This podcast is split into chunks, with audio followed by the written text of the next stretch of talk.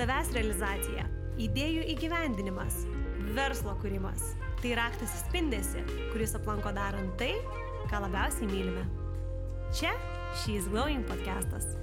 Odorė Damorė leidžia atrasti naują Lietuvoje, tačiau pasaulyje pripažintą nišinę parfumeriją ir odos priežiūros priemonės. Šiuo metu James Healy yra naujausia kvepalų iš Prancūzijos kolekcija, su kuria ir kviečiame susipažinti. Unikalumas ir aukščiausia kokybė - tai, ką rasite užsukę į Odorę Damorę. Sveikos įsijungusios She's Glowing podcastą. Šiandieną šalia manęs Laura Panavienė, Worklando vadovė Lietuvoje. Sveika, Laura. Sveika, Davilė, sveiki visi, kurie klauso. Iš tikrųjų, koks džiaugsmas ir garbė man būti dabar Worklando valdose, būtent čia juk mes ir įrašinėjame She's Glowing podcastą ir šalia manęs ne bet kas, o netgi šios didelės bendruomenės vadovė. Tai Laura, man labai įdomu, kaip prasidėjo tavo kelionė Worklande. Tai reikėtų tada paminėti, kaip aš apskritai atsiradau Worklandai ir kaip Worklandas atsirado Lietuvoje. Du tokie momentai. Aš prieš tai dirbau su prekybos centrais ir tuos prekybos centrus, kuriuos aš prie kurių veiklos prisidėjau, negaliu pasakyti, kad aš juos valdžiau, nes buvau atsakinga už du segmentus, tai yra nuoma ir marketingas, juos tiesiog pardavė. Ir ką, ir kai juos pardavė, aš įmonė likau be darbo, nes mano nuostabus projektai buvo išvažiavę jau į kitų investuotojų rankas. Tai atsimenu, mano bosas pakvietė mane ir sako, žiūrėk, turim tokį projektėlį. Sakau, čia per projektėlis, kiek kvadratų iš karto, nes prekybos centrai matuojami kvadratais, nu kuo daugiau kvadratų, to, to daugiau veiklos ir verslo. Sako, 2000. Nu ir ką aš galvoju, ko čia užsim dabar, 2000, ai, susitvarkys. Sakau, kas čia per idėja. Sako, žiūrėk, mes čia tokią norim idėją noriu daryti, padaryti tokius mažus ofisiukus kaip viešbutį. Hmm, galvoju įdomu staigiai pasiskaičiavau, kiek gaunasi kvadrato kaina, nes mes buvom tada visi įpratę labai kvadrato kainą skaičiuoti. Ir ta kaina pagal verslo modelį buvo labai didelė. Aš sakiau, o, įdomu, let's do this. tai va, ir mes buvom tada kitos kompanijos dalis, nes natūraliai mes tiesiog steigiam tokį pilotinį projektą, žinom, ar tai, nu, ar tai važiuos, ar tai bus gerai ar ne. O po to atskiriam kompanijos ir tada jau tapo Worklandas, aš tapau vadovė. O kas buvo ta pati pradžia? Koks tai buvo pavadinimas, kur buvo tos pirmosios erdvės, nes šių žingsnių aš turbūt net neprisimenu. Pats pirmasis mūsų yra Gedino 20, tai jisai iš karto gavo Workland pavadinimą, jis jau startavo su Workland pavadinimu, bet um, kristalizavom tą tokį vat, visą verslo modelį, tai mes per septynis metus ir išvystėm. Iš esmės, jau mm, pasileidę pirmą projektą, mes aiškiai žinom, ką mes norime padaryti Ir antrasis buvo didžioji, va, tas, kuris pačios yra mėgstamiausias. Taip, didžiosios gatvės Vorklandas, visiškas mano numylėtinis. Taip. Aha, ir tada viskas, tai Laura, tu iš karto startavai jau kaip vadovė, ar ta pozicija iš esmės buvo toksai kaip ir labiau projekto vadovė, ir tada augant pačiai kompanijai, natūralu augo ir tavo atsakomybės ir pareigos? Mhm. Geras klausimas, tai kai aš buvau kitos kompanijos dalis, tai ta kompanija turėjo direktorių. O kada atskyrėm, tai reikėjo direktoriaus. Ir aš, kadangi labai mėgstu atsakomybę, tai aš kažkaip pasiėmiau savo visas įmanomas atsakomybės ir jas dar iki dabar nešuosim.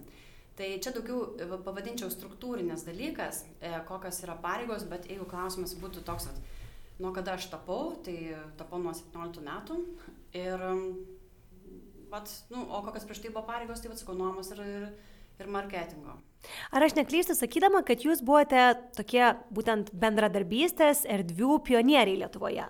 Ja, buvo tuo metu, egzistavo jau kompanija, kuri dešimt metų veikia Lietuvoje, bet taip kažkaip gal neįtvirtino šito koncepto. Kitaip tariant, jisai egzistavo, jisai buvo, bet žinojo tik tai tie, kurie tenai buvo. Tai nebuvo tiek skirta E, jėgų ir laiko edukacijai visai. Tai iš esmės vis tiek, kai jūs įėjote į rinką, jums reikėjo stipriai klientą ir edukuoti. Kas absoliučiai. čia per naujas konceptas, ar ne?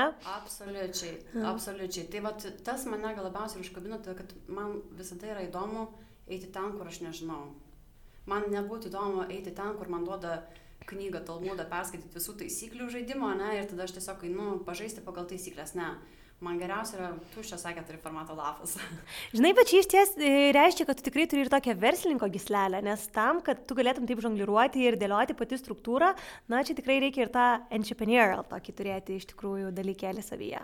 Taip, bet e, čia vat klausimas irgi buvo toks hipotetinis, ar įgimtas, ar įgautas, ar tiesiog, kai nemėgsti dalyvauti kitų sistemose, mėgsti pats viską sukurti tai aš negaliu pasiimti visų laurų tame, kas čia vyksta, nes aišku, mes turim, yra akcininkai, yra e, sukūrėjas Worklando pačio kaip brando ir mūsų, kaip pasakau, tėvelis, ne Worklando, Bet tai, kad aš esu atsakinga už Lietuvą ir tai, su kokiais reikalais man čia reikia susidurti ir kaip spręsti, tai čia be abejo, be to, kad to vidinio jausmo tu nepadarysi. Ir Lietuvoje jūs esate didžiausi, nepaisant to, kad Estijoje gimė šis prekinis vardas, ar ne?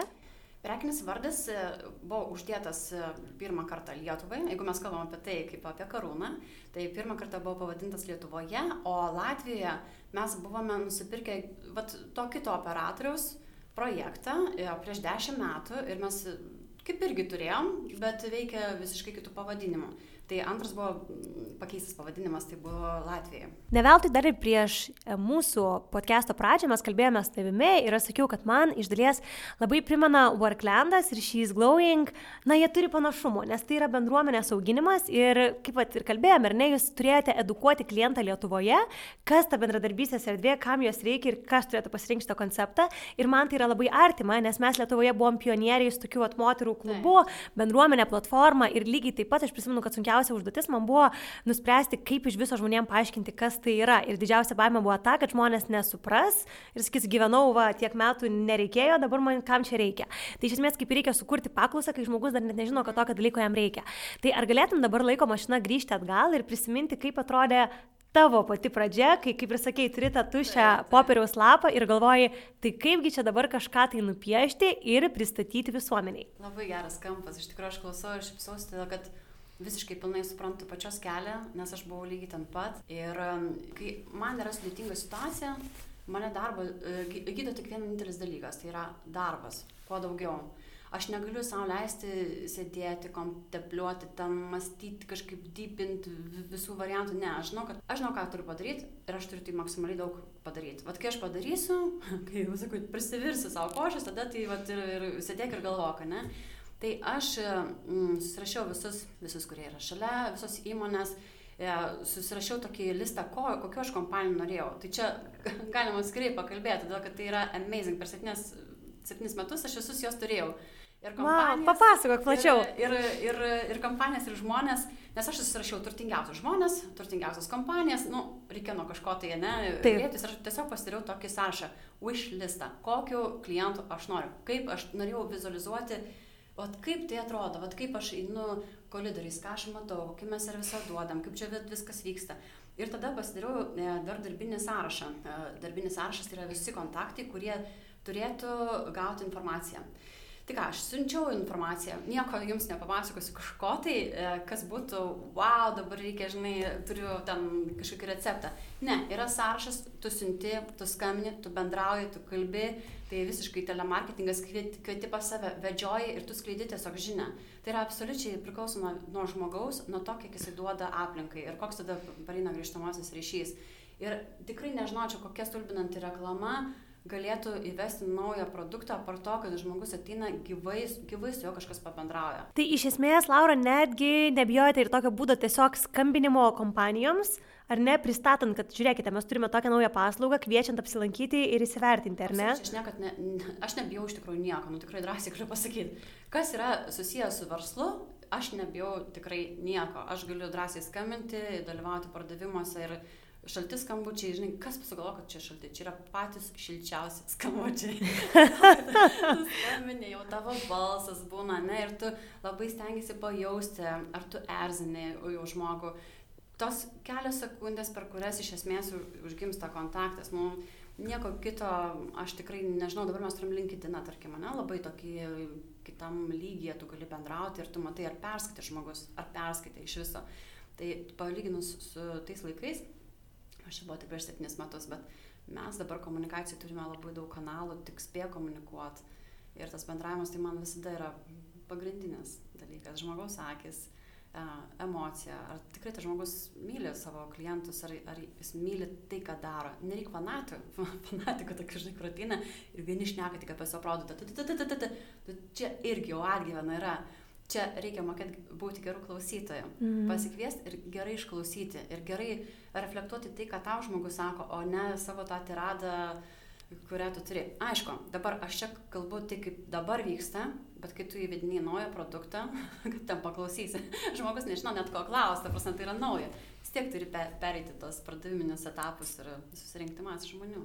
Bet iš ties tai yra toks geras padrasinimas, kad nereikia bijoti inicijuoti, nes labai dažnai žmogus, ar ne, tarkim, ir pas mane klausia manęs, ar ne, vad ką daryti, tas yra produktas, kur yra orientuota į kitus verslus, kaip mums juos pasiekti. Bet žmonėms mintis, kad patiems inicijuoti kontaktą, tai yra na, praktiškai jie geriau pasirinks, kad tas verslas mirs, negu kad jie patys inicijuos. Aš norėčiau labai palinkėti neužsikrauti savo kažkokių tai patirčių bagažo, kažkokių tai kitų žmonių nuomonės. Tiesiog tu žinai, ko tu nori, tu nori klientų, tai eik ir imk tos klientus.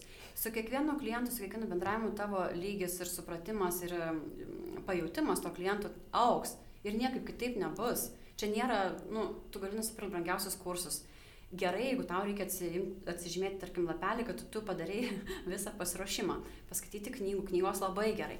Bet vis tiek galtiniam taške tau reikės paimti telefono ragelį ir tau reikės skambinti, tau reikės eiti renginį ir tau reikės prieiti prie žmonių. Ir kai aš anksčiau eidavau į, į renginius, aš eidavau prie žmonių ir ten labindavausi, bet Filė tavo lygiai tas pats bus dabar, kai papasakos, tai aš matau iš esmės. Ir dabar aš neinu į, į renginį žmonės jau prieina prie manęs arba tiesiog mane ne pavardė, o Worklandu vadina. O, Laura Workland, o, taip. Workland. Ir... Davilė šiais glowing. būtent, būtent, taip, taip. Šventi. Ir nereikia, tie va, tos merginos ar tie žmonės, kurie dabar klauso, nereikia niekada labai apsikrauti baimėm, tiesiog just do it. Nėra geresnio pasakymo. Ir tu pamatysi, grįžtamasis ryšys visada yra. Nereikia jo taip tikėtis, matuoti jį. Ne, tu tiesiog just do. Turi tikslą. Ir eini. Ir, nu, nėra, sakau, aš negalėčiau pasakyti, nes nu, savo praktikoje, ką bedaryčiau, įdirbis yra sėkmės, nu, tiesiog. Bet Laura, iš kur toks požiūris, iš kur toks susidėgymas, iš kur toks, na, ribų ir sienų galbūt neturėjimas, ar net tikslas ir aš link jo einu? Galbūt tai atėjo iš armijos. Nežinau, kad ir su ją turėjai reikalų. Nu, ką žinau, ta armija tai yra toks dalykas. Papasakok. Yra, e, baigusi mokyklą, e, aš vis girdėdavau, kad labai, mano berniokai visai nori susukti šitą reikalą. Ir aš vėlgi galvoju, hm, kodėlgi ne, aš turiu laiko. Nes aš tada studijavau universitete, dirbau jau nežinau kaip, bet radau dar laiko ir šitai vat veiklai. Ir to tikslo siekimo, tai aš nežinau, man atrodo, kad e, būtent šitoje srityje tai mažiausiai yra. Armijoje arba kariuomeniai tai yra tai, kad yra paklusnumas.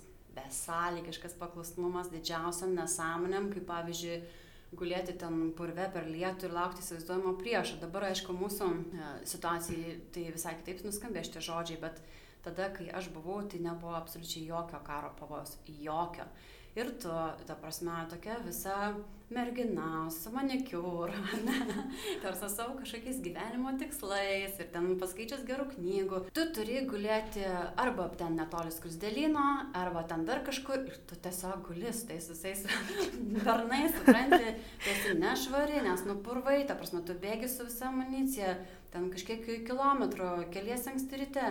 Tai man, e, pasakyčiau, kad šitas dalykas man suformavo paklusnumą tiesiog, nes čia reikia labai pereiti per save, nes ypač dabar šių dienų, ne, situacijų mes visi labai individualybės, asmenybės, nu, ta prasme, mums reikia polisio, mums reikia ten čakras daryti ir visai kaip, ne, mes ten, o va čia reikia tokio visiškai besąlygiško paklusnumo. Tai man tai suformuoja charakterį. Aš, aš žinau, kas tai yra. Aš žinau, aš ten ne, ne vienerius metus, man atrodo, 3,5 metų buvau, tai aš jau susidėjau tą bagažą, kol buvau labai jauna. Bet kodėl ten iš viso vėlysi, ar ne? Vat iš kur tau kilo toksai noras eiti tenai? Hmm, gal man visada patiko filmai, žinai, tokie, kur apie ninjas, apie ten roką, ten man patikdavo stiprios asmenybės, visą laiką labai žavėdavau.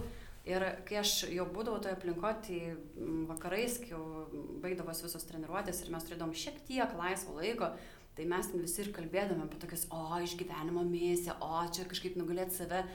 E, Bet man pačiai tai būdavo, kodėl jūs negalite to padaryti, nu, kalbant apie vaikinus, ne, kodėl jūs taip bijot, nu, tarsi, nu, kodėl, nu, nu, ko čia bijot. Ir aš norėjau tiesiog neiti pasmalsauti, kas tai yra, aš labai smalsi esu. Man buvo įdomu, tai ko aš čia negalite daryti, kas čia tokio sudėtingo.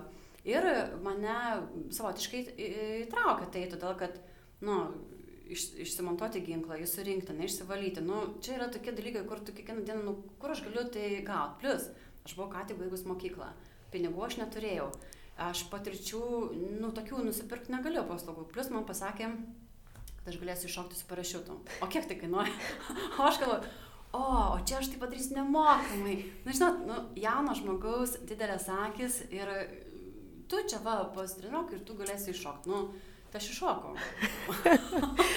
Oi, Laura, iš ties galiu pasakyti, tu esi tokia tikrai standartus laužanti moteris, ar ne? Visų pirma, armija, į kurią tu nuėjai savanoriškai, Taip. kai ten kitus realiai, na, jie prisigalvoja priežasčių, kodėl negali tenai eiti vyrai, o čia moteris pati nusprendžia, kad nori ten būti. Dabar vėlgi, dar vis vadovavimas, ar ne, įmoniai dažniau yra asocijuojamas su vyru, o tu vadovauji jau daug metų irgi įmoniai. Tai iš ties tu nuolatos laužai standartus. Tau tai patinka, ar taip tiesiog nutinka, kaip manai? Aš kažkaip neapsikraunu. E, labai vat, gerą tokį interviu dabar klausiau, bet per Instagram reelsus toks kartais pagauni ir tada tau labai daug rodo. Ir ten kaip tik buvo paklausta, kas tau svarbu, žinai, ar lojalumas, ar, ar, ar ištikimybė, žinai. Žmogus taip susimasti ir sako, meilė. Ir man iš tikrųjų gyvenime man labai svarbi yra meilė, meilė darbui. E, bet ne dėl to, kad aš myliu dirbti Ne, aš, aš realiai galiu pasakyti, aš myliu savo darbuotojus visus, tik, tik, tikrai man jie labai e, nuostabus yra žmonės, man labai įdomus yra ir man labai geras su jais kartu būti ir lygiai taip pat e, savo narius. Aš juos myliu tikrai to, to žodžio prasme. Pavyzdžiui, kaip mes kalbėjom apie prieš istoriją, kaip aš kviesdavau, Tai aš ruoždavau kaip pasimatymą, su kiekvienu klientu, iš tikrųjų. Aš taip laukdavau, aš taip džiaugdavausi, kad jie atėjo, aš taip rodavau kiekvieną vat, pasikeitimą, ką mes padarėme, ar mes ten kavą kažkokią. Man buvo taip gera, aš turiu savyje labai daug tokio rūpešio, gal, nu man, man gera, man, man, man faina, aš tiesiog noriu, kad vat, būtų čia visiems taip kaip man, nes man tai gera. O, oh, wow, geras, Laura, nerealu. Tikrai labai labai, labai smagu ir tikrai galiu pasakyti, pati būdama Orklando narė jau kelintus metus, aš taip jaučiuosi ir tai tikrai yra be, gali, be galo didelis tavo indėlis. Tai, Laura, kalbant apie bendruomenę iš esmės, ar ne, vėlgi tema, kuri yra artima labai tikrai ir man, ir tau, ar ne, mes turime to daug patirties. Kaip tu manai, kas yra, laim... kas yra svarbu laimingai bendruomeniai? Vat vėlgi, e, jausmas viskas iš tikrųjų, mes galime sakyti, kad mes labai pragmatiškai viską mokam apsiskaičiuoti, bet neapsiskaičiuosi, kada tau 9 val. būti laimingo, ne, arba kada, kada gerai pasijausti. Tai yra dalykai, kurie yra tarp eilučių, bet kuriuos tu arba jauti, arba ne. Tai bendruomeniai, mm, kas, kas yra svarbu, matyti, aišku, teisingas atsakymas būtų paklausti bendruomenės, bet bandau vėlgi va, taip pagalvoti, o, o kas man teikia laimę, ne? Man teikia laimę tokie paprasti dalykai, kaip ateini darbą ir tu turi su kuo susižvalgyti akim ir pasisveikinti tuo tokiu žvilgsniu, ne? Tai man vienas geriausių dalykų, kai aš ateinu į, į, į centrą arba į bendruomenę, aš pasilavinu, pasižiūriu ir tas yra apsikeitimas toksai, vat, gera emocija, ne? Jau iškart man pirmas superinis dalykas. Tada mm, man, e, be to, kad aš galiu susikoncentruoti ir dirbti, man niekas netrukdo, kas yra labai labai irgi svarbu, ne? E, yra renginiai ir bendri, bendros vertybės, ne, kurių tu sieki. Vėlgi yra jausmas, kaip tu jautiesi, būdamas tos bendruomenės dalis. Ar tu esi kažkokių labai didelių taisyklių įkaitas, ne? Nu, tai nemanau, kad ten yra tokių eilė išsirikiotų, kurie nori būti. Ar tu tiesiog esi to erdvėje, kur tau kūrė patogią aplinką. Patogią visų pirma funkcionaliai, Antras dalykas - emociškai labai patogiai. Jeigu administratorius, kurios pas mus yra, jeigu jos reaguoja ir mato, kad, pavyzdžiui, šiandien tavęs geriau, geriau nekalbinti, nes būna tokių dienų, kai mes norime tiesiog prasmukti, eiti ir susitvarkyti tuos visus reikalus, nes mes nenorim, kad mums taip pat kaip tai, žinai, parduotuviai išmokytas, kur prieina ir būtinai turi paklausti klausimų, tie, nu, atrodo, tu visais ženklais rodai, kad šiandien tiesiog nenori. Kitas dalykas, kai tu nori pakalbėti, kai tau reikia pasitarti, arba tau realiai reikia pagalbos, padaryti kažko nespėjai, arba ieškai kokių nors kontaktų ir tau labai paprastai pavyksta. Tai lengvumas, paprastumas ir kai tu jauti, kad tu realiai rūpi. Nu, kad, nu, ne dėl to, kad tiesiog kažkas tai nusamdyta šitam darbui, bet tu realiai rūpi. O kaip, vat, kaip, Ištok savo. Žinai, klausau tavęs ir galvoju, kad tai yra toks geras klausimas, pats pirmas, ko tu paklausai ir tiesiog galima pagalvoti apie tai, o kas mane pradžiugintų. Ir iš tikrųjų čia yra žiauriai geras klausimas, kurį ir aš labai mėgstu dažnai užduoti savo, galvodama apie, tarkim, kliento patirtį šiais Glowing klube. Ir žinai, aš galvoju, tarkim, na, nežinau, prisijungia nauja moteris, mes siunčiame, aš pati asmeniškai siunčiu asmeninę žinutę. Ir aš taip galvoju, ar man būtų faina gauti, ir aš galvoju, jo, man būtų faina, žinai, aš galvoju, man būtų cute, žinai. Ir kažkiek kiti dalykai, tai aš galvoju, o kaip aš norėčiau, čia daug turinio, kaip padaryti, kad žmogui tai nebūtų per daug visko, ar ne? Aha, ką, ką aš, ko aš pati norėčiau. Tai bet man atrodo, kad žinai, dažnai mes būrėm iš kavos tirščių ir galvojam, kokią čia reikia formulę panaudoti, kad supras kliento poreikius, bet iš tikrųjų tiesiog pabandyti pabūti to kliento batose ir pagalvoti, kas man būtų faina. Turbūt yra pats geriausias, ar ne, atsakymas vienareikšmiškai. Aš stengiuosi irgi dalyvauti, kiek įmanoma, kiek galiu sau leisti pardavimuose, pristatant ofisus. Ir aišku, aš susitikus su klientais nepristatinėjau. Sveiki, direktorė. čia būtų pats blogiausias dalykas, ką aš galėčiau pasakyti. Mes tiesiog bendravom, aš rodau ir, ir mes kalbam ir kartais išaiškėjo, kartais neišaiškėjo tokie dalykai. Bet man tai leidžia labai arti būti to. Mm. Labai, aš kaip ir vieną kartą susakius kažkam tai interviu, kol dar galiu savo tai leisti. Nes jeigu mes būtum labai labai dideli, kai kurie dalykai jau yra prabanga man, aš tą prabangą dabar galiu dar naudotis ir aš galiu tiesiogiai susitikti su klientais, aš tiesiogiai galiu jiem parodyti, juos girdėti, ne, nelikti tik tai man perdodamų ir siunčiamų žinučių informacijos gavėja ne, ir iš to nevertinti. Man labai gera prisiliesti. Aš pilnumą pasitikiu savo komandą, bet man labai yra gerai plaukti toj pačioj laivelį su, su, su jais, tam pačiam. Nes vadovo ir, ir kolegos arba pavaldinio atitraukimas, jisai labai galimas. Labai. Vadovai kartais įsivaizduoja, kad, nu tai va, aš tau duosiu patarimą, nu va tai čia va tavo, tau. O tu va eik ir pabandyk tai spręsti. Nu, va tu tiesiog, jeigu tu gali sau leisti tą paramą, jeigu tu gali, sėsk recepcijai, pasidėk pasiklausyk, kaip, kokiam problemam, ne? Ir tavo kolektyvas tada irgi jausis, kad tu, tu esi labai šalia, kad tu supranti, kad nėra tokia vadovo ir pavaldinio. Aš apskritai, ne, ne, jeigu būtų mano piešta schema, Komunikacijos hierarchiją aš išpaišyčiau, nes tai yra svarbu, o hierarchinę pareigų prasme visus ant, vieno, ant vienos linijos mes būtumėm. Vis, visi. Man norėtųsi pačiais gražiausiais pavadinimais vadinti kiekvieną absoliučiai pareigybę, nes, nu, bet taip ir yra. taip ir yra. Klausau tavęs ir galvoju, esi be galo, be galo, be galo įkvepianti vadovė. Man labai įdomu, ar tai pas tave atėjo vis tie suvokimai, požiūris, ar ne į savo darbuotojus, į komandą, ar tai atėjo natūraliai, ar tu turėjai galbūt kažkokias pamokas išmokti, o gal tiesiog mokysi, gal net pamokų nereikėjo, bet tiesiog investavai būtent ar ne į tos vadovavimo įgūdžius ir jų lavinimą. Tai vadovas niekada negimsta, lyderis negimsta, aš nelaikau savęs lyderiam, bet aš žinau, kad aš esu atsakinga prieš savo kolegas. Atsakinga vien to, kad, kad tarp jų būtų geras ryšys kad tie, kurie buvo, yra arba buvo mūsų komandai, kad jiems būtų gera čia sugrįžti, kad jie būtų toksai, žinai, grįžti namo. Galbūt e, buvo kiti tikslai žmogaus karjeros prasme, ryčių prasme ir tai yra tiesiog natūralus dalykas, bet kad visada būtų gera sugrįžti, kad čia yra toksai kaip, kaip šeima, kaip planas. Bet e, niekas taip automatiškai ne, nepastaro. Yra keletą tokių sričių. Pirma, tu susiduri su problema. Ir tau ją reikia spręsti o, kaip to ją spręsti, tu neturi dabar, tu turi problemą, tu nežinai, kaip ją spręsti. Tai yra daugybė kursų nemokamų online, beveik kiek, mes gyvenam tokiam informacijos amžiai, kad tu bet ką gali, ta prasme, rasti bet kokį klausimą atsakymą. Knygų yra labai daug. Ir vis tiek pastoviai stengiuosi tokią discipliną nusistatyti savo, kiek kada aš turiu savo edukacijai skirti laiko ir aš stengiuosi tai visą laiką daryti. Aš turiu aukti, nes jeigu aš būsiu ta, ta kuri, žinai, viską žino. O šitą problemą aš jau turėjau, viskas, čia eik va ir padaryk. Tai mano, aš tą problemą gal turėjau prieš penkis metus. Gal žmonės toj problemai jau yra visai kitokie. Kas tai žmonės? Tai ne, čia yra darbas su savim. Vat, kiekvienas vadovas turi pastoviai e, investuoti, nepaisant to, kad jį liaupsina, tarkim, ten kolegos, nepaisant to, kad jo rezultatai yra labai labai geri darbė, nepaisant to, kad jis apie save labai geros nuomonės. Tai yra, tu turi spėti gaudyti ir vis tiek neturėdamas problemos klausytis, kaip problemą spręsti. Kad kai tau bus, tu, aha, žinai, tavo smegenyse jau yra schemos, kaip, ką tu gali padaryti geriausiai. Iš ties čia tu paminėjai ir tokią labai gražią mintį, kaip kad sakėjai, kad jeigu mes galvojam, kad va čia jau žinau ir man nereikia savęs tobulinti, kaip tu ir pasakėjai dar prieš pradedant mum įrašinėti podcastą, kad tada žmogus ir pradeda senti. Ar ja. ne? Aš taip, kadangi mano amžius jau ne, ne jaunas. Labai jaunas, Laura, tikrai. Rimtai. Taip, tikrai. Tikrai? Aš nežinau, kiek tau metų, bet tu Aha. atrodai labai jaunai.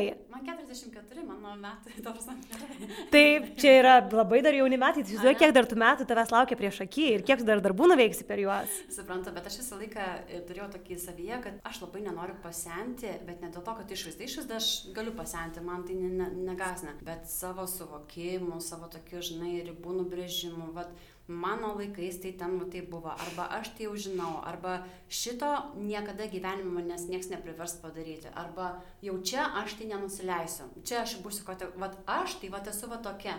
Tų visų ribų nustatymas tai yra mano supratimu, tegul neįsižeidžia, jeigu kažkas dabar taip iškart susierzins, kai aš pasakysiu, bet tam tikrų tokių griežtų ribų nustatymas man yra arba labai ankstyva jaunystė, arba jau senatvės požymis. du tokie, žinai, dalykai, nes jaunas žmogus dažniausiai labai kategoriškas, labai gerai viską žino ir gali pamokyti kiekvieną. Lygiai taip pat e, jau tam tikrą amžiaus grupę pasiekia žmonės, kurie nebe, nebėra, atviri, ne, nebėra atviri, nebėra smalsus, jie, jie viską žino. Jie tarsi va taip nukerta. Tu sakai ir nukerta, jie žino. Ir, nu, realiai labai daug jie praranda. Labai daug praranda. Aš e, esu su to susidūrus, kai aš pati kategoriška buvau. ir kaip man buvo akistatas tuo, kad mano tas kategoriškumas niekur neveda. Ir aš turiu problemą su savim, man reikia kažką daryti, man reikia pasiklausyti, e, pasiklausyti tų pačių podcastų, man reikia pažinti žmonės, man reikia suprasti jų mąstysinį, nes aš esu tarsi iš kažkokio kito pasaulio. Ir aš kalbu apie labai jauną auditoriją, su kuria man teko susidurti. Ir aš jos nesupratau iš pat pradžių. Iš tikrųjų, buvo ant tiek radikalus mūsų požiūrį į darbą, į vertybės, nu į viską. Kartu absoliučiai. skirtumai, ar ne tokie jau labai jautėsi? Ir aš taip, opa, privažiavam, Laura, kartu skirtumai. Ką darysi? Ką darysi? Aš maksimaliai išklausysiu apie tai visą medžiagą, kokią aš galiu pasiekti, bet ne ten, kur, tiksliau, ne vien tik ten, kur vyresni žmonės kalba apie jaunesnius, e, bet taip pat, kaip bendrauja jaunesni, kaip jie apie savo problemas kalba. Ir, ir tai man iš tikrųjų labai daug padėjo. Aš ženkliai labiau jo suprantu ir vėlgi man mm, man išeina mylėti. Na, tarsi, man su meilė žmonės e, išeina žiūrėti, todėl kad aš suprantu, aš juos jaučiu, aš jų girdėjau tarsi, aš sutikau vieną žmogų, bet po tų visų seminarų tarsi aš jau pa- pažinočiau visą grupę, tarsi aš jau galėčiau būti jų dalimi, nes aš jau su jais praleidau tam tikrą laiką. O, geras, Laura, klausau tavęs ir žinai, iš ties uh, taip pat kalbinau ir vieną moterį, kuri būtent veda vadovų mokymus. E, Šis podcastas pasirodys visiškai netrukus mūsų tinklalaidėje. Ir kai aš klausiu jos, kokį patarimą įduotų savo, nes tai va irgi dalinosi, kad e, per savo gyvenimą e, yra buvusi vadovė ir padariusi daug klaidų. Ir aš sakau, "Vat kokį savo vieną patarimą duotum jaunai, kai tu tik pradėjai vadovauti. Ir jinai pasakė, mylėti žmonės. Ane? Taip, Geras. tai aš iš tikrųjų klausiau ir aš galvoju, kuriame aš dabar podcast'e, net sekundį sutrikau ir aš galvoju, kalbėjau apie šitą dalyką su kitu žmogumi ir vat būtent ji irgi dirbo vadovavimo darbą ir sako, aš manau, kad tai yra pagrindinis dalykas, kai tu gali suprasti, galbūt iš kur tas žmogus ateina ar ne, ir, na, priimti jį ar ne, ir jo kažkokį vat mąstymą. Tai aš tiesiog klausau ir galvoju, wow, panašu, kad čia yra tikrai sėkmingų vadovių paslaptis, vis dėlto mylėti tos žmonės, juos įsiklausyti ir tiesiog, na, suprasti. Čia bendražmogiški tokie dalykai visur, kur ar asmeniniam gyvenime, ar, ar nežinau, kažkokiam asmeniniam paslaugom, ne, visada tu nori būti priimtas, suprastas ir toks, nu, mylimas. Nu, nu ta prasme, kaip tu gali pykti didžiausia problema, jeigu ateini tam pasitinka su šys ir sako, labas, kas nutiko, oi, tau taip nutiko, tuoj palauk, atsisėsk, va, čia tau vandens, ne, tas rūpestis, nu, nu, nu, kaip, kaip, net jeigu tu supyksi, po to taip toks jausmas, kad tu nori atsiprašyti. Taip, nu, tave taip myli, tu toks šlikštas. Nu. taip. Tarsi, bet taip ir kūrėsi žmonių santykiai. Čia yra, nežinau, man verslas niekada nebuvo tiesiog verslas, pinigų kalykla ar ten kažkokių tai punktų, ten užperforminimas, ne, kai greitai ten sužymėsiu, ką padariau. Nu, tai yra, nu, tai čia tik boring, tegul, tegul einant tą darbą tokį, nežinau, kas dirbti, bet tai darbas absoliučiai ne man. Wow, Laura, nuostabu. Ir žinai, iš ties, e, klausydama tavęs, aš galvoju, akivaizdu, kad darbas tau yra be galo svarbus. Turbūt dažnai pamiršti ir darbo valandas skaičiuoti, ir ne, ir tikrai neišeini kaip laikrodukas tuo metu, kai baigėsi darbo valandos, kad tu jau iš karto. Puikiai šitą problemą. Kaip? Ir aš e, susilaukiau vaikų. Tai va, Laura, apie tai ir norėjau pakalbėti, kaip tau sekasi tai derinti, nežinau, kad turi e, keletą vaikų ir dar keletą šunų. Taip, taip. Papasakok plačiau, kaip tau sekasi visą tai derinti, nes, na, pavyzdžiui, aš ar ne, esu veikli moteris, bet aš vaikų dar neturiu ir turiu tik vieną šunį. Tai, žinai, man atrodo, kad aukštoji matematika prasidės tada, kai ant rankų atsiras nors vienas mažylis. Jo, aš iš tikrųjų buvau darboholikė ir man penktadienis būdavo bloga diena. aš labai dariai susitvarkydavau stalą, pasiruošdavau pirmąjį, kad man būdavo kaip šventė, pirmąjį atyti darbą, bet, bet, nu, žinau, dabar kažkas kalos ir galvoja nenormaliai šitą, bet prisipažinsiu, būta tokių dalykų, tikrai būta tokių dienų ir ne vienos, bet tada, kai aš susilaukiu vaikų ir dabar aš turiu du, berniuką ir mergaitę, tai aš esu jau e, šeimos sistemoje ir aš turiu pareigų ir ten. ir aš turiu labai aiškiai prisimti savo atsakomybę ir tenai. Tai reiškia, laiku nuvežti mokyklą, pamaitinti, padaryti maistą, sukrauti. Man tai kaip ir kitom mamytėm tai yra, buvo nauja, buvo niekaip nepasiruošta ir su pirmu vaiku gavas kaip gavas. su antro jau, jau tu jau ne, nebesi kažkokia, tai ten nepatyrus, jau daug, daugiau žinai. Bet e, mano dukros grafikas, nes jinai yra balerina ir pas ją yra maks užimtumas, neprofesionaliai yra balerina, sustatė mane labai aiškus rėmus kada aš turiu pasimti ir čia tas motiniš, mamiškas toks instinktas, taigi neversia vaiko laukti. tai ačiū Dievui, kad mano vaikas baigė 6-7, taip pat kaip aš. Ta prasme, nes jeigu būtų diena, tai jau tada kitaip kažkaip spręšiau. Bet mes kartu važiuojame mokyklą, kartu grįžtam ir tai yra mano sistema. Aš turėjau atrasti laiko dienoje, kada laikas yra man, kur mano laikas. Ir visas mamos, kurios dabar manęs klauso, jeigu jos turi dar papildomų veiklų apart motinystės, nes yra tokių, kur tiesiog žavi labai motinystė ir jos save pašvenčia, ne? Tai kaip ir nelabai gal reikia, bet jos turėtų čia pasakyti šitą meterį.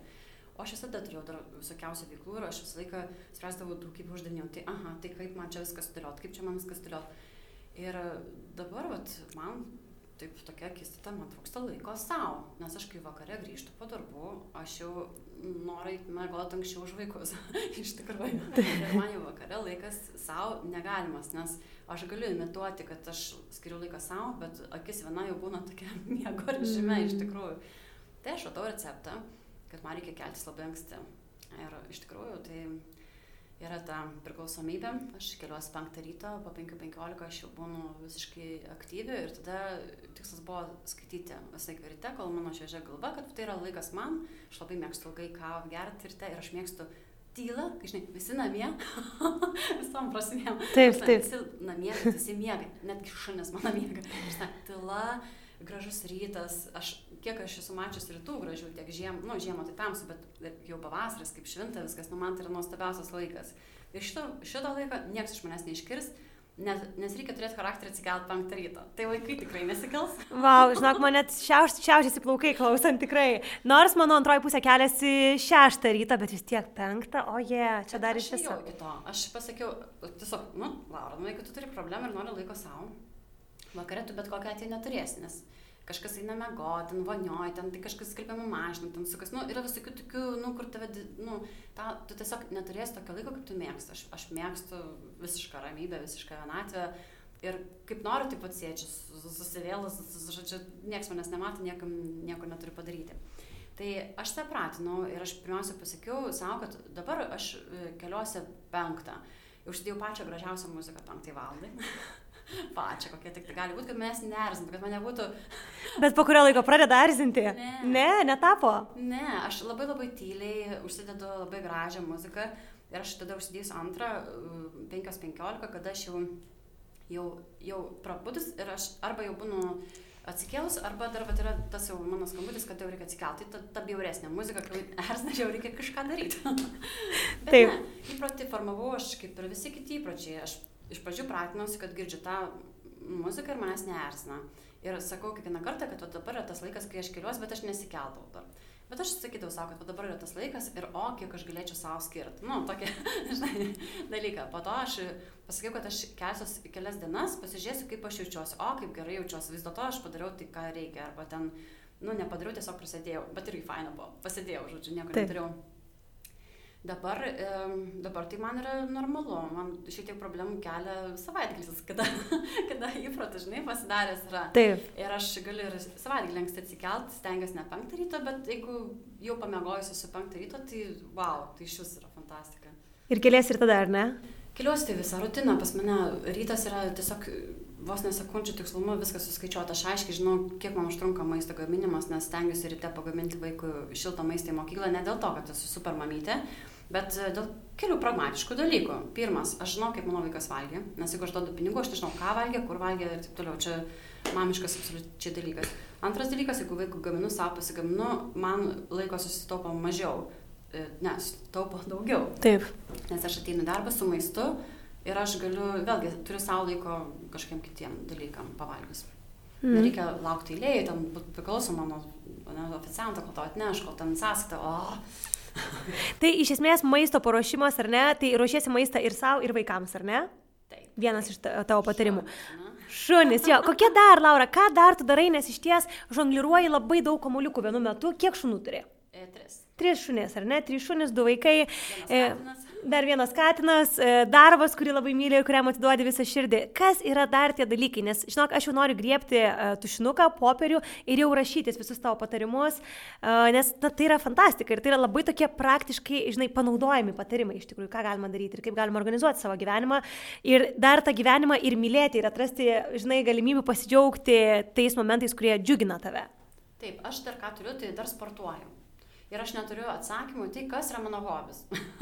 Iš tikrųjų, jeigu yra kažkas tai apklausas, tai, tai mano hobis yra mano gyvenimas. Nu, aš nežinau, kokią man dar reikėtų įvardinti, nes darbas man patinka taip, kaip kitiems patinka hobis. Aš realiai mhm. galvoju, nepavargstu apie jį, kurdama aš visada žinau, ką aš dar noriu padaryti. Man taip pat kaip ir jum būna liūdnesnių situacijų, kada kažkas nesiseka. Tai taip. Tai čia yra natūralu. E, Sportas, vėlgi, sportas atsirado mano gyvenime, todėl kad A, aš turėjau kolegę, su, su kuria mes sportuojam, B, aš turėjau galimybės.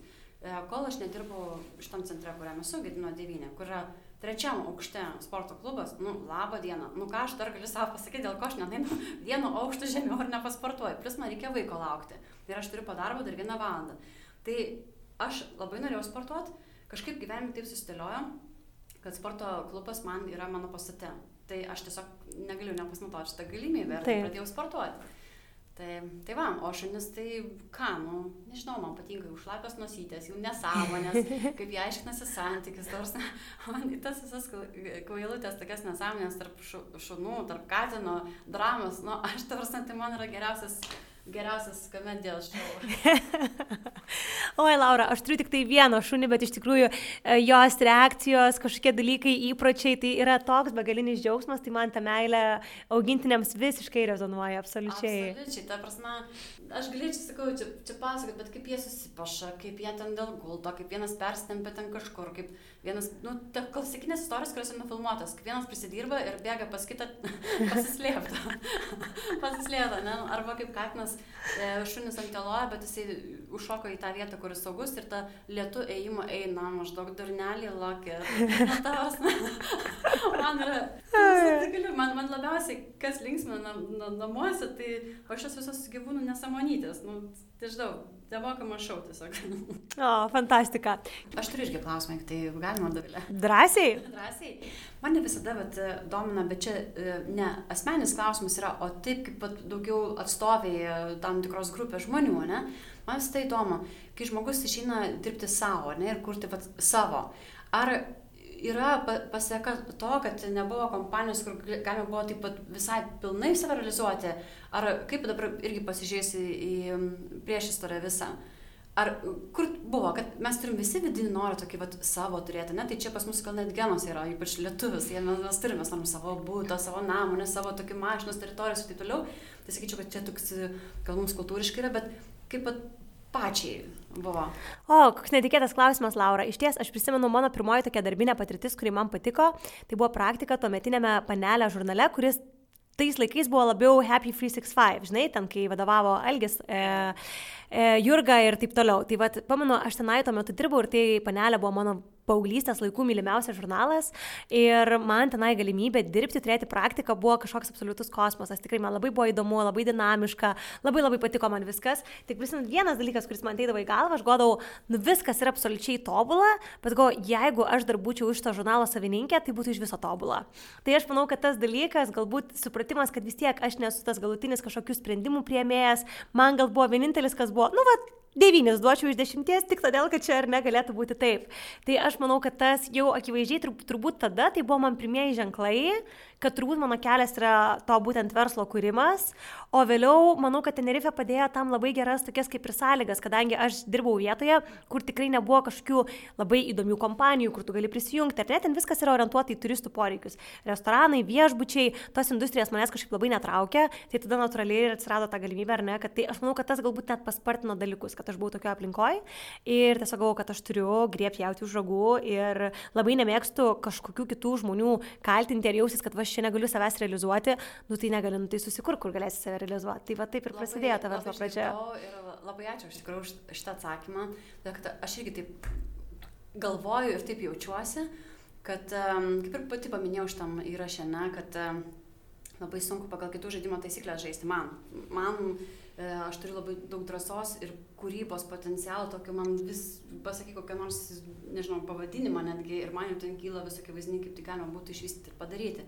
Tai aš įsivaizduoju, kad čia irgi, vat, jeigu kompanija tiek pasitikėtų, kad sakytų, žinai, turėk, parodyk ir turėk tą laisvę, tai būtų žymiai daugiau žmonių, kurie norėtų dirbti kompanijose, o ne galvotų, kad noriu padaryti pats, nes ne kiekvienas turi stiprų charakterį išvaldyti, žinai, nebeturi to kalto. Taip, vienareikšmiškai. jo, čia labai didelė atsakomybė. Bet čia, pavyzdžiui, tu, dirbdama Worklandė Lietuvoje, turi realiai neribotas galimybės, ar yra va, tas kartais dalykas, nes tu tikrai esi labai stipri moteris. Aš turiu labai didelį palaikymą. Mm. Va, tas man visą gyvenimą buvo labai labai svarbu, iš tikrųjų, tą palaikymą ir niekas man sparnų nekerpa. O jeigu man kirptų sparnus, tai aš tapčiau tokia, žinau, vykdytoja, jeigu manęs neišklausytų, bet mano bosai, aš jas kartais šokiruoju tom savo idėjom visam, ne, bet, bet jie man vis tiek sako, nu, gerai, žinai, ten kaip ir atidarimas buvo su madų šou.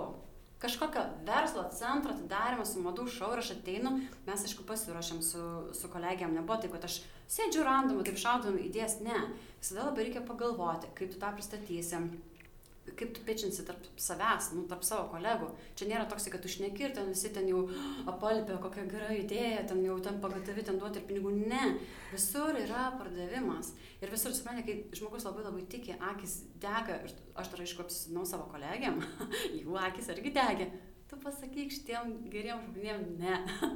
Kaip pasakyti, tarsi mes buvom padirbę, iš, tarsi nepadirbę, mes buvom išdirbę, atsakė į klausimus, viską. Mes buvom pasiruošę normaliam pičiui, kaip eina prašyti investicijų, Hebra stoja ant scenos ir prašo pinigų, ne? Mes buvom pilnai pasiruošę. Mes žinom visus atsakymus, Išskyrus ne. Laura, o kaip, pavyzdžiui, pasiruošti, ar ne? Nes aš čia, ta prasme, klausau tavęs ir galvoju, nu čia reikia sugebėjimo turėti eiti. Pavyzdžiui, aš niekada nesu pičinius kažkur pristatinėjusi va tokios verslo idėjos, ar ne? Kaip tam jūs pasiruošėt? Vat ar neturit e, tokią unikalią idėją ir aš pati buvau to renginio e, jūsų naujo biuro atidarime ir pamenu, kad tai buvo, ar ne, madų šaukas iš tikrųjų buvo tikrai netikėtas sprendimas, tai buvo labai unikalus, įdomus sprendimas ir netgi uh, drabužiai, kurie buvo tenai, ar ne, tas prekinis vardas irgi tai nėra, tarkim, ofiso mada, tai buvo visiškai, ar ne? Nu, tai, ta prasme, tie patys, kaip pasakyti, ofisiniai žmonės prakeliavo aš tą mintį jau seniai e, turėjau, todėl kad man buvo įdomu kažką sukurti visiškai kitokio rakurso. Man patinka stebinti žmonės. Taip. Patinka stebinti žmonės, nes aš noriu matyti tas jų degančias akis, tokias nuostabos. Ir tai yra Worklando dovana svečiam, juos nustebinti visiškai kažkokiu tai, nu, netikėtumu. Tai aš tą mintį jau senai turėjau. Pirmiausia, aš tą mintį turėjau parduoti savo kolegų.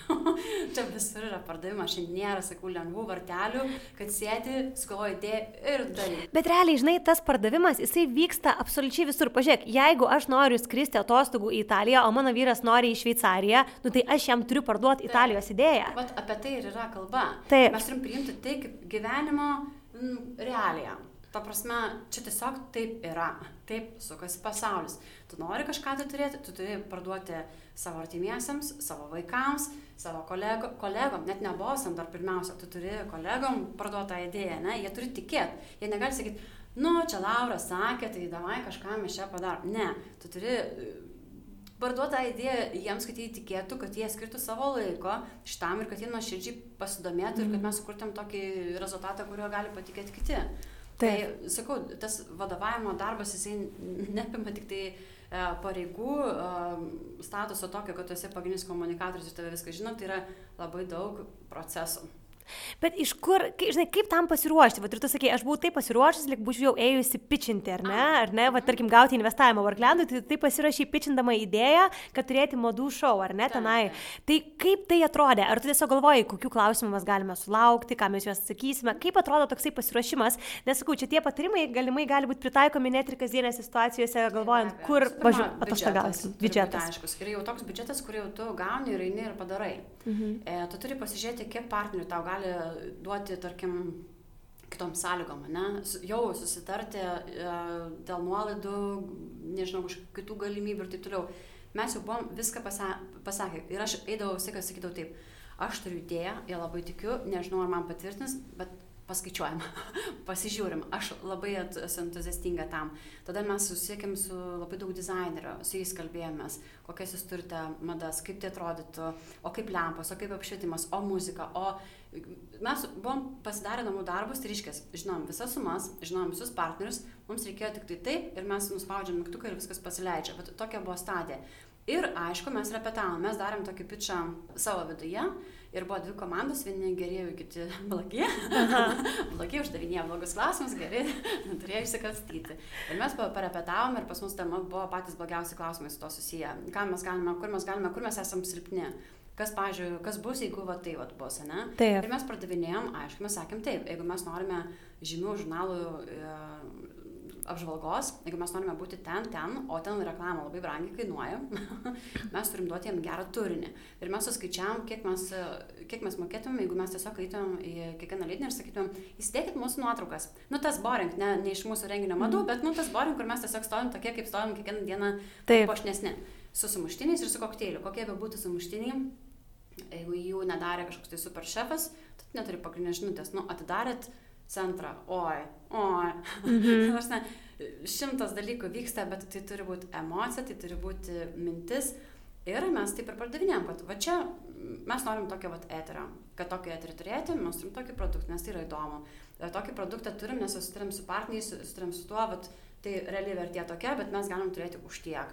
Nu, ir vat, tokie būtų ir patarimai. Šiaip iš esmės visada sakau, nu tai būkite drąsus, jums geriau trys klaidos ir jūs tada jau būsite ženkliai toliau su tuo žinojimu ir visko, negu jūs dar vis neišdrįsite to žengti pirmo žingsnelio. Nes, nu, kol tu išdrįsi, jau kiti jau penkis padarė žingsnius, Taip. jau net nebeįdomu gal kažkam tą idėją. E, kaip ir dėl mūsų podcast'o, ne? Aš galėjau kažkaip tai gal bandyti ruoštis, bet realiai aš tikrai neturiu nu, galimybių skirti laiko, Taip. pasiruošti, apgalvoti, o kokie bus klausimai, o kokie bus mano atsakymai, kaip čia viskas vyks. Nu, realiai e, aš labai žiūriu savo laiką, labai, nu, labai saugau ir labai žiūriu ir žinau, kad nu, aš tikrai turiu ką pasakyti, aš noriu pasidalinti su kitais žmonėm, man yra malonu dalintis, iš tikrųjų, tai nėra privartinis dalykas, aš visai tik nesenai sustojau ir pagalvojau, o ką aš galiu duoti, ne? Vis tiek jau mano patirtis tokia yra ir turėjau ir blogų, ir gerų dienų, ir nuostabiausių, ir pačių blogiausių dienų, kokios tai gali būti, kai tu eini mėgoti ir galvoji, tu prasme, tu mesi viską, niekas neturi prasmės. Bet aš turiu kažkokį Fenikso tokį geną. Aš ryte, aš šaunu, kai raketa į viršų ir žinau, kad manęs niekas negali palaužti. Nei problema, nei pasakyti žodžiai, nei ten žmogus, nei... Nu, niekas, absoliučiai. Aš vis tiek eisiu ir būsiu tik tai ženkliai tvirtesnė negu, negu prieš tai buvau. Manęs klausia, kai aš tai pasakiau, ar tu išmokai, ar tu vat, gimėjai, žinai, čia tokia drąsa, nu, nu negimiau, aš tarsi, nu, parodykit man tokį drąsą kūdikį. Taip. ne, tiesiog matyt knygos, kai tu skaitai, kai tu bendrauji, knygos yra žodžiai. Žodžiai e, dėti į smegenis, jie yra, nu, kaip pasakyti, atsakymai. Ne? Taip. Čia yra, galima sakyti, tikiu ar net, netikiu to neurolingvistinio programavimo, bet aš tikiu, kad kokius medalius atinsi, tokie tau ir auks. Mhm. Jeigu aš sudinsiu savo baimę, ten kas ką pasakė, kas ką pagalvos ir taip toliau, tai aš va tokius medalius ir auginsiu, jie tik auga, niekas nemažėja sąmonė, tik auga. Jeigu aš dėsiu kažkokius kitus atsakymus, arba mintis, kartais jos tiesiog skamba, perskaityti žodžiai, ne, kažkokiais, kažkokiam situacijom, arba tu perskaityti kito žmogaus istoriją knygoje, bet atsiradus toj pačiam scenarijui, nu, situacijų, ne, konflikto scenarijui, tu galvoji, bet tai man jau nebe nauja, aš tai skaičiau, aš tai žinau ir, ir tiesiog eini ir darai viskas. Laura iš ties buvo labai geras tavimi kalbėti ir matau, kad mes dalinamės ir tarpusavėje turime tikrai ne vieną panašumą, pradedant bendruomenės auginimu, baigiant didžiulę meilę šunims. Tai tiesiog pabaigai labai norėčiau paklausti, ką tu galėtum palinkėti mūsų She's Glowing podcast'o klausytojams. Palinkėjimas. Aš visada linkiu drąsos. Labai skambi yra frazė tikėk savim. Savim labai sunku kartais patikėti, bet tikėk tos idėjos, kurią tu turi, nauda kitiems. Tikėk, kad va, tai gali kažkam padaryti gražesnę dieną arba gražesnį gyvenimą, sukurti kažką geresnio šitam pasauliu. Ir čia yra tokie dalykai, kurie visada iš tikrųjų pasiteisina. Jeigu tu žiūrėsi tik tai apie save, tai toks individualistas ir būsi. Nu, pats savo įdomus, ne? bet jeigu tu galvosi, kad o tai gali kažkam būtų labai faina, va kaip renginys, ne ta, ta nuotaika, arba kaip vat, mūsų bendruomenė, kažkam bus labai gera ateiti į darbą, o tam bus gera ateiti į darbą, iškės vadovui bus faina, kad jo darbuotojas linksmas ateina į darbą, galbūt neišeis iš darbo, nes linksmas, ne, tai yra tokia susijusi grandinė mūsų visų, tai būkite drąsus, e, mylėkite, tikrai mylėkite tai, ką darot, arba tiesiog nedarykite. Fantastika, ačiū Laura, kad buvai čia. Ačiū labai už pakvietimą, tikrai labai malonu buvo. Tikiuosi, kad puikiai praleidai laiką klausydamasi She's Going podcast'o. O jei nori daugiau bendrystės, nuostabių ir įkvepiančių istorijų, naujų žinių, renginių ir kitų privilegijų, kurias gauna tik She's Going klubo narės, keliauk tiesiai į mūsų internetinę svetainę www.she'sglowing.lt ir tap mūsų klubo nare.